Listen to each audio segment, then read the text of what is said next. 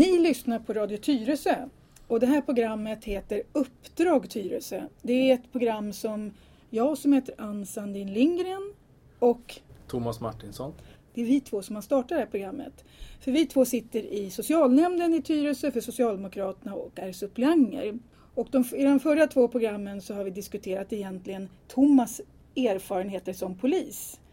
Eh, och då är det så fantastiskt roligt tycker jag därför att när första gången som vi kom till socialnämnden och presenterade oss så presenterade sig Thomas du som polis. Och så träffade vi Peter Söderlund från Miljöpartiet och då, då, då sa du att du kände till ganska mycket om läget i Tyresö för du hade jobbat här som polis i tre år. Och då svarade Peter som är här i studion att du kände till det också fast inte som polis. Nej. Nej.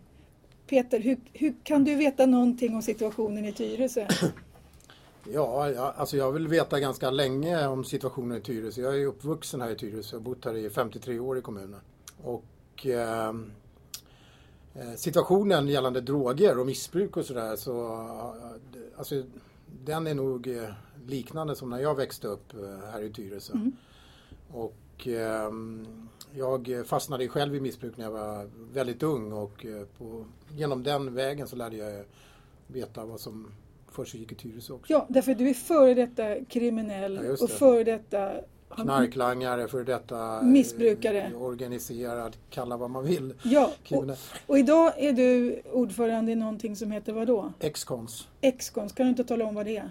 Excons är en eh, ideell förening då som består av för detta kriminella och missbrukare som har tröttnat och vill ha en ny väg här i livet och hjälper varandra och eh, på den vägen när man hjälper varandra så kan man börja hjälpa andra också och vara med och ja, rädda hela samhället, hela världen. Då.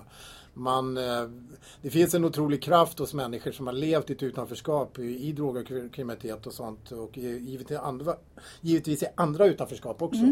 Eh, Men när man kan vända den där till, till något positivt så blir det en otrolig kraft. Mm. Hur, hur, många, år- hur många år har du varit drogfri?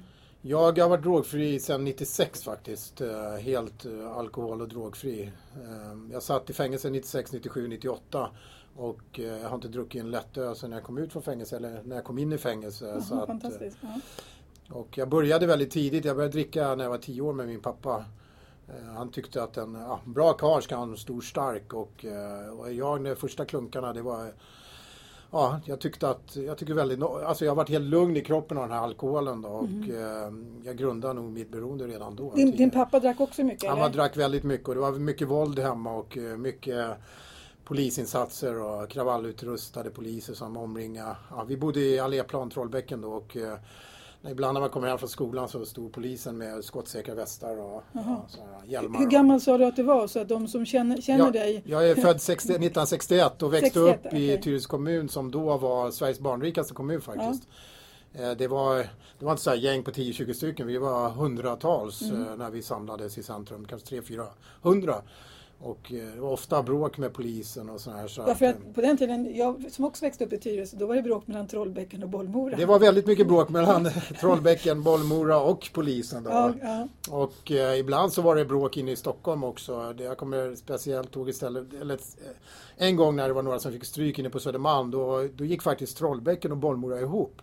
Och eh, då var det nog 300-400 stycken som bussades in, de fick ett, satt in extra bussar.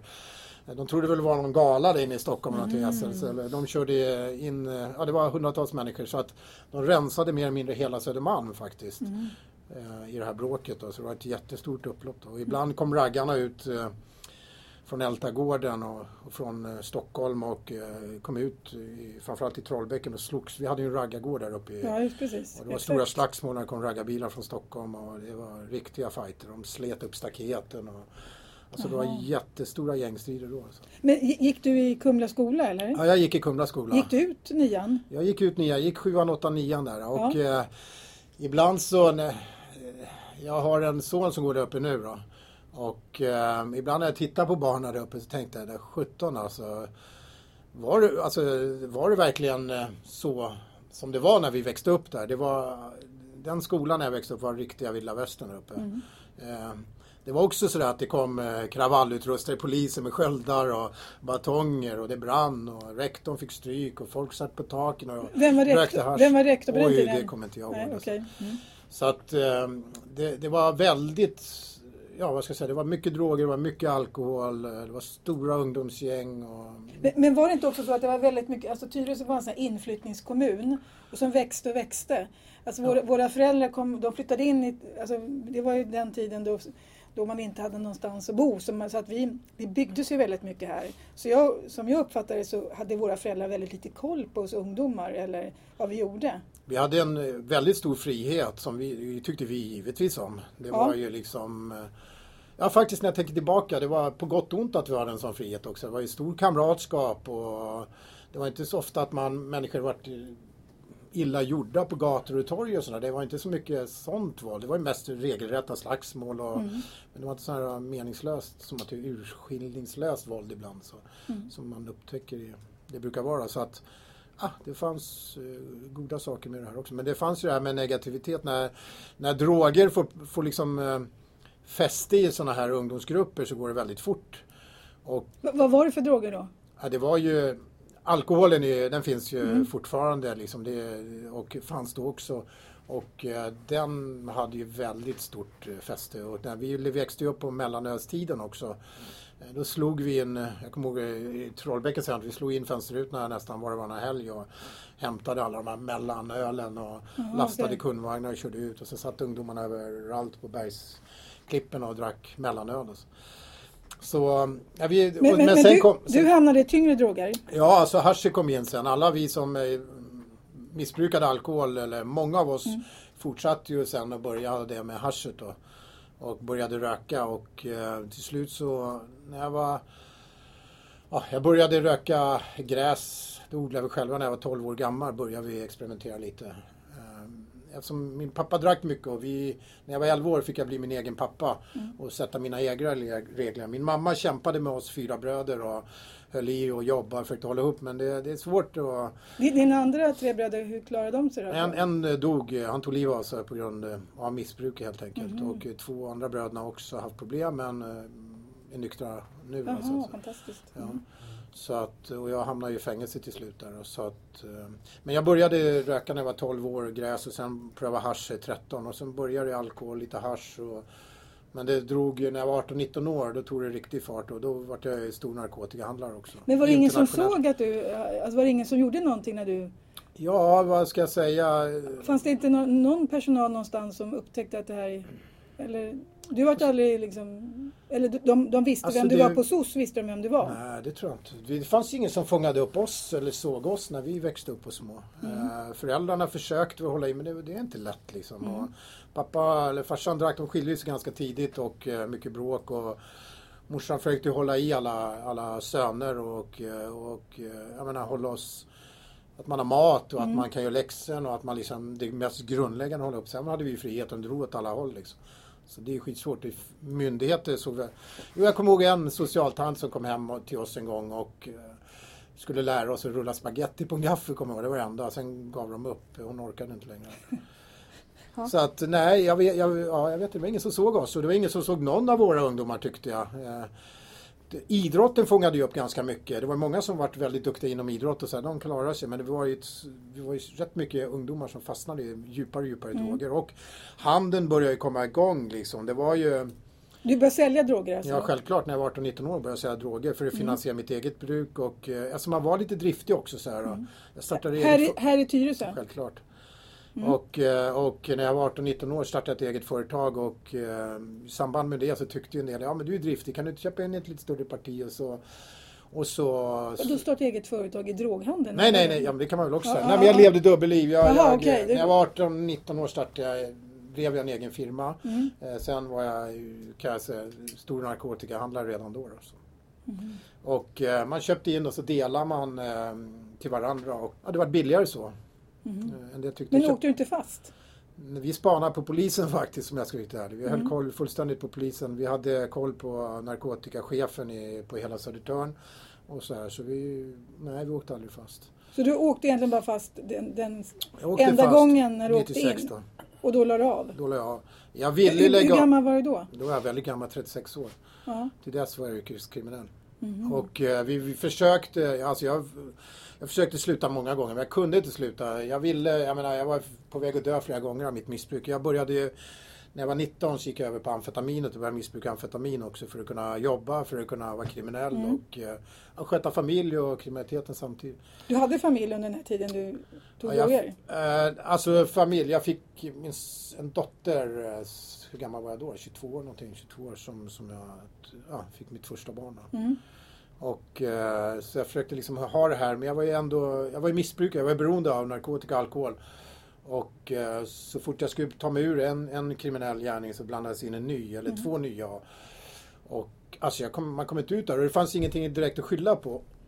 Och eh, det fanns ingenting att kliva över på. Och det mm. var faktiskt, man var rädd för socialtjänsten, man var rädd för polisen. Fan, vi spanade ju på, eh, vi, alltså det var ju våra fiender. Vi mm. levde upp i de här ungdomsgrupperna på hundratals människor. Vi byggde upp en egen trygghet. Alltså vi ställde ju upp till varandra till 100 procent. Mm. Uh, tror du att det är samma sak idag med ja, de kriminella ungdomsgängen? Ja, det är klart det är det. Det finns ingen ja. skillnad överhuvudtaget. Var, vi var väl lite större gäng, så nu när de pratar mm. om gäng så liksom, ja, ja, fan 10-20 stycken var det liksom. Så jag har ju den där gängkulturen i mig, fast vi hade, inget, vi hade inga logotyp direkt på oss och så här.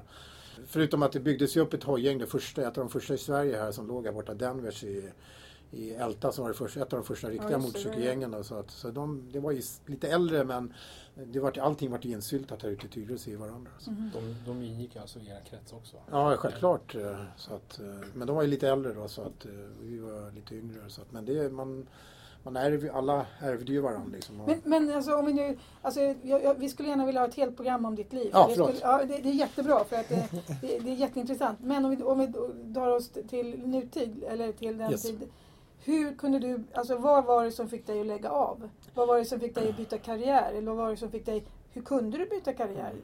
Liksom när du alltså jag åkte ju egentligen fast, jag åkte fast i en, eh, jag var huvudman i en narkotikaliga i Blekinge, en, en av de största narkotikahärvorna som varit där nere, som jag var tagen av. Och det var ju tur i oturen då. Fick jag såg ju min chans att bryta med mitt liv och ta tag i det här. Och eh, det var ju synd bara att det behövdes ett fängelsestraff för det. Eh, jag, jag, försökte faktiskt flera gånger själv, men jag vågade inte. Jag vågade inte kontakta socialtjänsten. Jag vågade inte, vem skulle jag prata med? Mm. Så när jag satt i fängelse och sökte till ett fängelse som hette Öster, Österåkersfängelse, drevs av en kvinna, Ann-Britt Grünewald. Mm. Eh, där inne fick vi fångar en chans att byta vårt liv och vi hade grupper med fångarna tillsammans. Hon, alltså hon gjorde ett bra fängelse. Hon hade världens bästa resultat på det fängelset. Ja. Nu har man ju skrotat det och vill göra det till ett vanligt fängelse och mm. tagit bort resultatuppföljningen ska jag kunna tänka mig jag var gripen av polisen, sökte till ett bra fängelse, ville förändra mitt liv. Sen var det också att eh, när jag var ute på permissioner så gick jag så här tolvstegsmöten då, mm. uppe inne på vad heter det, Katarina Hiss, Maria Hissen vid, eh, på Söder där. Eh, och eh, då träffade jag en kille som skulle starta en, en eh, frivilligrörelse som heter KRIS. Ja just det, så ja. Tyresö har varit väldigt involverad ja, ja, ja, vi gjorde ja. ert program i början där. Mm, mm. Ehm, och eh, så att eh, man skulle starta en förening och då frågade man mig, Peter när du kommer ut från fängelset, jag hade permissioner då. Eh, vill inte du bli den första fången vi tar emot då? Och för vi ska jobba med kriminalitet också. Mm. Det är inte bara droger och missbruk utan det, kriminaliteten är ju liksom en livsstil man mm. lever med och framförallt för vi som växte upp med det dagligen liksom. Det var ju, det var ju vårt liv. Och det är inte så lätt om någon kommer fram och säger till dig, du måste, det du tänker det är fel liksom. Imorgon måste du tänka annorlunda. Men, men, men tänkte du att du tänkte fel? Eller nej, det är klart att jag tänkte nej, det. Nej, men, men, men, varför blev det så att du ville lägga av? Nej, men jag var väldigt trött, jag var slut mm. och eh, det fungerar, alltså det, man, det funkar inte i längden liksom. Nej. Alltid jagad, vågade inte prata i telefon, man vågade inte titta utanför dörren, var alltid beväpnad. Aha, okay. och, mm, mm. liksom, och fienden var ju staten och polisen. Liksom. Mm. Och eh, det, är det tär på kroppen att leva ett sånt liv, man orkar inte. Liksom. Men det var ju så vi växte upp, så för våra lagar var det, det var inte kriminellt vi gjorde. Liksom. Förut, så, ja. förutom, förutom polisen?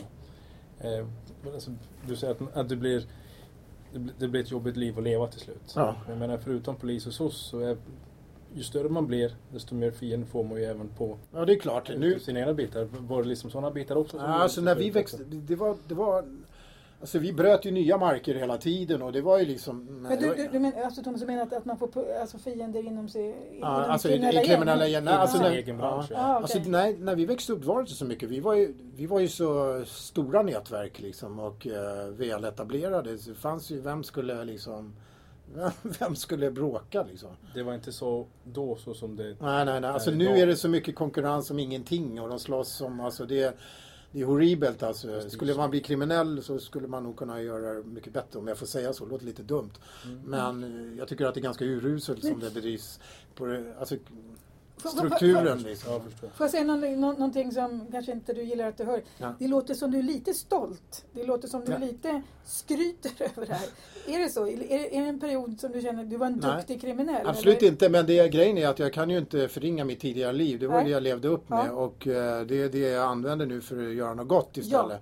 och uh, om jag skulle gå runt och känna att mitt liv Alltså, tycker att jag har varit en riktigt dum, elak människa. Det är liksom jag var tio år när jag fastnade i missbruket ja. och eh, tittar man på tioåringen nu så, så, så, kan man inte lägga ansvaret för den, hur den kommer formas om den ständigt okay. omgärdas av våld, alkohol, droger och växer upp i det. Man okay. kan inte, alltså, Alltså man kan inte straffa de människorna. Så jag, jag skäms inte för mitt liv. Det är mitt liv är mitt liv och jag har mm. levt upp med det. Men däremot så använder jag mitt eh, gamla liv till att göra något bra för andra idag. Och, eh, och jag kan tala samma språk som de som är på andra sidan och har, jag vet hur de känner innerst inne och jag vet vad de egentligen vill. Mång, många av dem, kanske inte alla men mm. 99 procent av dem vill ha ett liv med en eh, liten stuga, en, en tjej och liksom mm. ett arbete och gå på semester. Och, Lugnt. Ja, och, men de kommer inte ur det liksom. Nej. De fastnar precis som jag gjorde. Alltså, det ser ungefär likadant ut i Tyresö idag som det gjorde då. Vi var lite mer ungdomar men många sitter fast fortfarande i samma problem som vi satt fast i. Mm. Däremot så tror jag myndigheter och polisen har blivit, polisen verkar väldigt offensiv och vill ha dialog och få igång något bra. Ska jag säga att är det någon statlig myndighet någonting som försöker göra något så är det faktiskt polisen som försöker göra lite annorlunda grejer. Så här, alltså På vilket sätt då menar du? Ja, de försöker, jag menar vi samverkar, vi samarbetar aldrig med polisen som ex-kons utan mm. vi samverkar. Polisen ska göra sitt, vi ska göra vårt. Vi, ska man gå in och göra samma sak så blir det fel för båda. Liksom. Mm. Ex-kons, vad gör ni? ni? Ni har inga behandlingshem för för ja. KRIS hade, hade en ja, vi gård har, också va? Ja, vi har i Lilla Gungan Excons har det här på Enskede ett hus för ungdomar som har fem sex platser. Alltså ni har ett hus för ungdomar? Ja, och sen, sen har vi ute i Vinsta 33 boendeplatser också. Alltså ni har boendeplatser, okej. Okay. Och eh, sen har vi lite utslussningslägenheter. Men det är väldigt tufft att driva sådana här verksamheter också för mm. pengarna sätts oftast när det har gått snett och när det går väldigt långt bort. Vi är en ideell förening och ideella föreningar vet mm. ju ni som sitter i socialnämnden mm. att mm. det är ingenting man öser pengar över för att stödja. Liksom. Ja. En fråga där. Eh, du pratar om att, du, att, du, att man sen blir trött på sitt liv, att man mm. vill liksom förändra när man, som du då som jag förstår, har blivit ganska stor, ändå byggt upp en ganska stor organisation. Mm. Alltså en, en kriminell organisation, mm. för, försäljning av narkotika och så vidare. Så, så genererar väl det, eller förmodligen har vi det genererat en, en del pengar. Eller i alla fall under stundom ett, mm. ett antal pengar. Så man jämför med att man blir trött på att leva livet du levde mm. kontra till pengarna, eventuellt, eventuellt ska jag säga för att jag, jag, kan, jag vet inte själv, men, men många gör pengar och många kanske gör, många gör inte.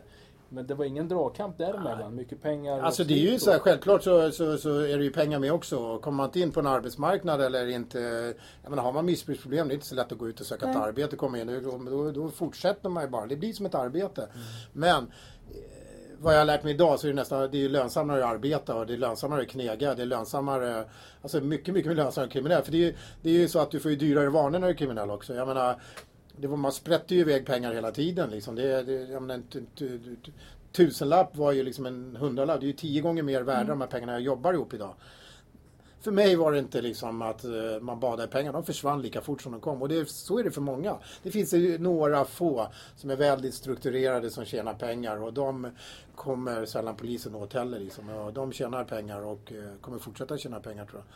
Men, men, men du fick, fick du jobb när du kom ut ur fängelset alltså? När jag började, ja just det, när jag muckade så mötte ju KRIS mig då, mm. Eh, den här frivilligorganisationen. Så jag var ju första fånge, hamnade på första sidan av DN, nu kommer mm. första fången. Och, och det, det, var en gård, det var ett ställe man kom Nej, nej, KRIS var ju förening eh, på Södermalm, en ideell förening, en liten ideell förening med en massa trasiga människor som sa nu ska vi göra något bra. Vi fick 10 000 i bidrag att börja med och sen började vi bygga om. Men var hamnar man, var bo, alltså hur fixar man bostad? Nej, nej, men jag hade min lägenhet kvar, den hade okay. jag lyckats behålla och hyrt ut till ja, min mm. lillebror och sen mm. hade jag kvar den. Så att den, den fanns ju kvar som tur alla har ju inte det. Mm. Så att när jag kom ut så, så hade jag mitt boende och sen var jag, vet du nu, en, så byggde vi upp föreningen. Så att vi hade ju knappt något. Vi hade en kaffebryggare, en skurhink och så åkte vi runt och pratade om våra visioner. Nu ska vi starta en förening, vi ska engagera människor, vi ska hitta på program. Vi vet vad som man behöver göra. Mm. Och så byggde vi föreningen och så började vi växa och så började vi trampa myndigheterna lite på tårna. För vi tog ju mark mot socialtjänsten och sa nu får ni backa socialtjänsten, vi kan göra det här jobbet. Och, mm. och kris betyder kriminellas revansch, revansch i, i samhället. samhället. Ja. Yes, mm. inte på samhället, i samhället. I samhället ja. Och vi växte och vart stora och jag tog, fick, lyckades få kriminalvården faktiskt. Eh, de riskerade att få sparken, generaldirektören och så. Men jag fick en bil med bensinkort så vi åkte runt i hela Sverige. Jag sov i den där bilen. Eh, jag började besöka Österåkersfängelset, gick in och försökte motivera fångar. Häng med för fan liksom och mm. byt liv. Jag vet ju att ni vill, ni har suttit och pratat om det. Jag satt ju med dem förut där. Och eh, så började folk hänga på. Sen tog jag den där bilen och åkte till ett annat anstalt i Sverige.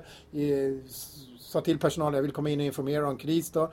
Och sen eh, så de bara, ja men vem är du? Så här kan ni inte komma. Och så här, men fan ring Österåker liksom. Jag har nästan nycklar dit. Så ringde de dit och kollade. Ja men det är lugnt. Och till slut så bara ah, åkte jag till anstalt, anstalt och sov i den där bilen och stod och höll tal för hundratals fångar. Alla fångar samtidigt på fängelserna. Mm. Sen började krisföreningar plopp, plopp så här ute i landet. Plopp, när de kom ut från fängelset, mm. de var också trötta. Men de såg att någon annan har gjort det förut. Nu vill de också göra det. Hur många, hur många blev? Hur jag var med och byggde upp 55 föreningar i Sverige, i Vitryssland, Ukraina, i Ryssland, i Baltikum. Ja, åkte runt som en... Och Finland fick jag igång nu så att eh, då också. Så åkte jag över tala i radio, sen började det plopp, plopp, plopp, plopp, så startade mm. Danmark, Frans. Så 55 städer var med och drog igång det. Det är ju fantastiskt alltså. Ja. Helt, helt underbart. Ja, det är ju liksom så här. Och det var ju så enkelt. Alla bara, vad fan ska vi göra? Göra? Gör det bara liksom. Skit i man gör. Bara kör. Samla folk med massa idéer tillsammans och starta ner en folkrörelse. Fan som vi byggde Sverige för 120 år sedan. Mm. När Sverige började byggas, när politiken började byggas, när myndigheter började mm. byggas. Det har ju för övrigt stelnat idag. Mm. Politik, myndigheter och allting. Det är ju liksom mm. de som talar till oss. Så var det ju inte tänkt. Mm. Det är folket ska tala till myndigheter. Då kan vi komma in på det ja. ämnet. Alltså, du sitter ju ändå som jag och Thomas sitter som ersättare för Socialdemokraterna ja. i socialnämnden. Du sitter som ordinarie. ordinarie fast är också opposition för det är borgarna som ja. styr här. Vad tycker du att du kan göra liksom, idag när, nu när du, du sitter i kommunfullmäktige? Mm. I din ja. Först, ja, kommunfullmäktige, ja, första. första perioden. Mm. Mm. Hur, vad, vad, tycker du liksom, nu när du försöker den här politiska vägen? Hur känner du att du kan påverka? Och... Jag, kan, jag kan säga att eh, det är inte så mycket man kan påverka men jag vill inte ta udden av människors liksom, vilja att bli politiker. Eh, när man är så här, eh, i opposition så är det inte mycket man kan påverka. Man kan, man kan gnälla och tjata. Speciellt men, i opposition. Vi pratar om ja, när opposition, inte, alltså, det, när man inte man, har makten själv. Nej, nej, det, det, det går egentligen inte att påverka med, genom egna beslut. Man kan påverka genom påtryckningar så att man tvingar eh, till exempel då Alliansen i det här fallet mm. och till att uh, börja föra våran politik. Det är väl det man har sett, att de börjar känna sig lite skraja. Oj, oj, oj.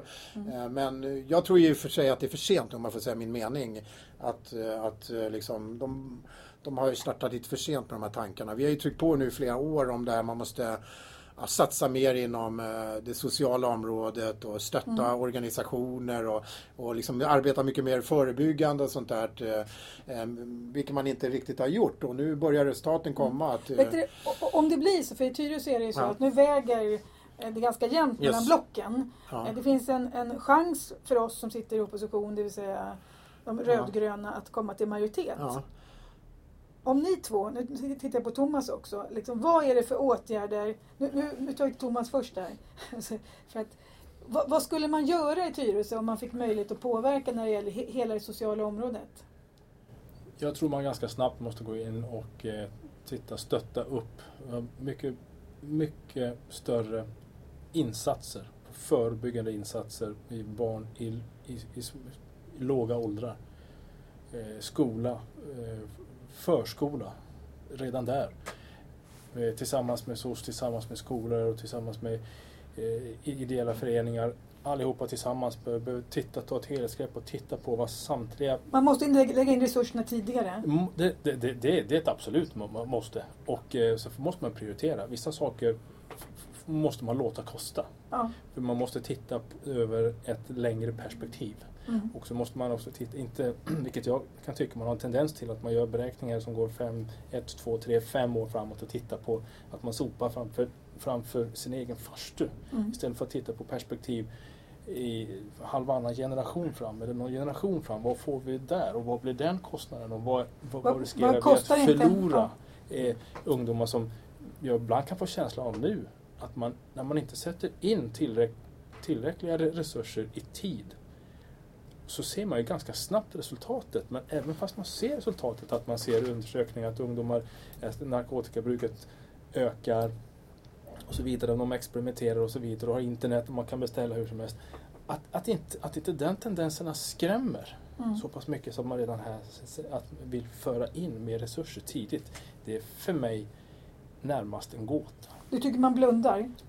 Ja, jag, jag, tycker man blundar och jag tycker i vissa fall man skiter i konsekvenserna rent ut sagt. Mm. Att man är medveten, för det är inga dumskallar som sitter på den här ledningen, men man kalkylerar och eh, väljer helt mm. enkelt till att inte föra mer pengar. Det, det, är min personliga uppfattning, men jag uppfattar det som att man gör det, och man gör det därför att man tycker att vi måste ha mer pengar här för budget i sin helhet. Räcker inte, då måste vi fördela. Jag är av den uppfattningen att satsa pengarna där du som mest behöver dem liksom, i vår framtid, ungdomar. Och sen så ja. får man kanske ök, utöka budgeten. För någonstans är det någon som sätter en, en, äh, sätter en, en ram för hur mycket budgeten ska vara. Och budgeten byggs på någonting. Alltså naturligtvis om det, de räknar upp kostnader och så vidare. Men någonstans så måste man liksom ifrågasätta varför budgeten stannar där den gör. Så att säga. Ja, och, och, speciellt nu när, när budgeten har överskridits på grund av att man är tvungen att sätta ännu fler ungdomar i familjehem. Exakt. Och, och sen mm. så får man överskrida den så skjuter man lavinen framför sig. Mm. Så in med tidiga resurser och våga satsa där pengarna ska vara tidigt. Barn och mm. ungdomar tidigt. Det är, det är min Mm. Eh, ja, men bra. Peter, vad säger du? Ja, du låter ju som en miljöpartist tänkte jag säga. Nej, men det, det, jag håller med dig. Ja, men det, det, jag skulle säga samma sak.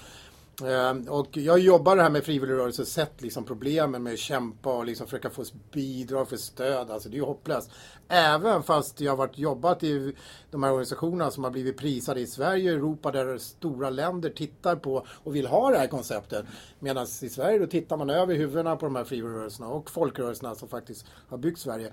Och jag eh, ville ju bli politiker för att vilja titta på baksidan hur det ser Jag vill ju egentligen jobba på riksplanet eh, och flytta resurser till exempel från kriminalvård. Jag ska inte säga poliserna men mm. ni, skulle, ni kanske skulle kunna sänka ett anslag om ni la det förebyggande igen, i långa loppet liksom och kriminalvården skulle kunna halveras. Vet jag att den skulle kunna göra och plocka ut pengarna till förebyggande. Men det finns, och jag ville titta på hur det funkar kommun, på kommunpolitiken och titta, hur allting fungerar. Och nu har jag ju förstått eh, eh vi sitter i socialnämnden, vi tar beslut på 15 sekunder eller godkänner beslut på 15 sekunder för ett par, tre miljoner för några ungdomar har gått snett för. Det tar 15 sekunder.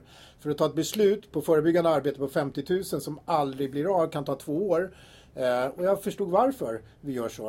Eh, det sägs att vi, ja men vi måste göra något nu med ungdomarna, eller satsa på ungdomarna nu när det har gått så långt för det är så jättefarligt för dem nu. Och, och så slänger vi tre miljoner på 15 sekunder. Det är en massa lagar och sånt som bestämmer Just det! Aha. Det är bara för att skydda oss politiker själva, ja. ingenting annat. Mm. Det är bara för att det finns en lag som säger att vi måste göra och då alla bara hänger med och tar beslut. Oj, tänk om vi råkar illa ut om vi inte gör det. Så vi tar besluten här, bap, bap, bap. Föreby förebyggande ja. finns ingen lag.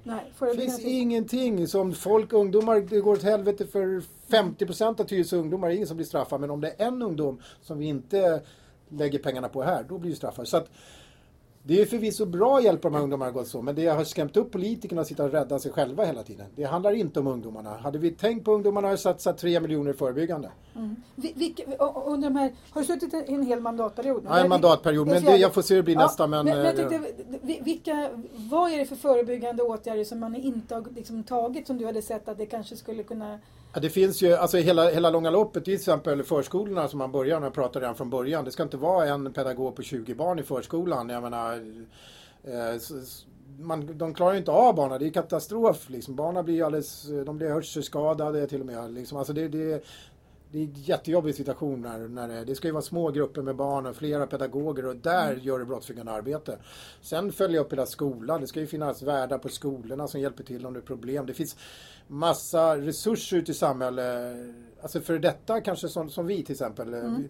startar en brottsförebyggande förening i kommunen. Här får man ju fightas om att man kanske får halva hyran. Resten måste man ju ta av sina egna hyrespengar till sin egen lägenhet och betala till. Det är inte så att kommunen säger oj vad bra, en internationell verksamhet som vi etablerar sig i Tyresö. Nej, nej. Lite grann så här kan man få lite allmosor, några tusenlappar i månaden för att bygga upp en brottsförebyggande förening i kommunen av de som lang... Alltså, jag har ju flera som, eh, som är engagerade och kan engagera sig som har styrt Tyresö kommun. Mm. Alltså det handlar om miljoner liksom. Ska man inte ens få två, tre, fyra, fem, alltså några tusenlappar i månaden för att försöka ta tag i det här problemet. Inte bara vi, men flera frivilligrörelser. Det ska ju Alltså det måste satsas, som du säger, mycket, mycket mera pengar. Jag vill inte bara prata om vår organisation, det finns mm. ju fler. Det ska, det ska finnas möjlighet för att fler ska starta. Mm. Alltså när, när det finns ett problem i samhället så kommer varken polisen kommer inte in att ta allt, myndigheterna inte göra. Mm. Det är mm. folket som måste få chansen att mm. göra. Och då ska det finnas föreningsbidrag, bara pumpa ut föreningsbidrag. Mm.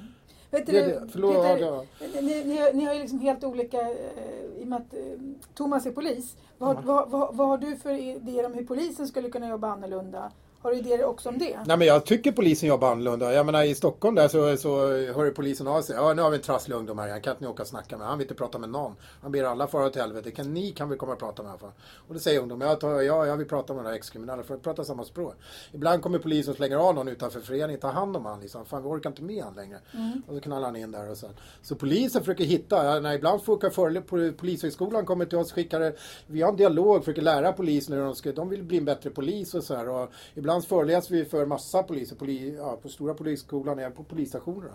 Så att eh, en dialog där polisen respekterar att vi jobbar på ett sätt och de, vi respekterar att de är poliser. Liksom. Mm. Men vi jagar inte varandra längre. Nej. Så att, eh, jag vet inte, alltså polisen, ja jag tycker att de, de är bara fortsätta vara mänskliga och hitta på bra. Jag menar, han sitter och säger mm. samma sak som jag fast vi jobbar på, två olika sidor för Vad bra. Vet du, eh, nu har vår programtid tagit slut för den har gått en halvtimme.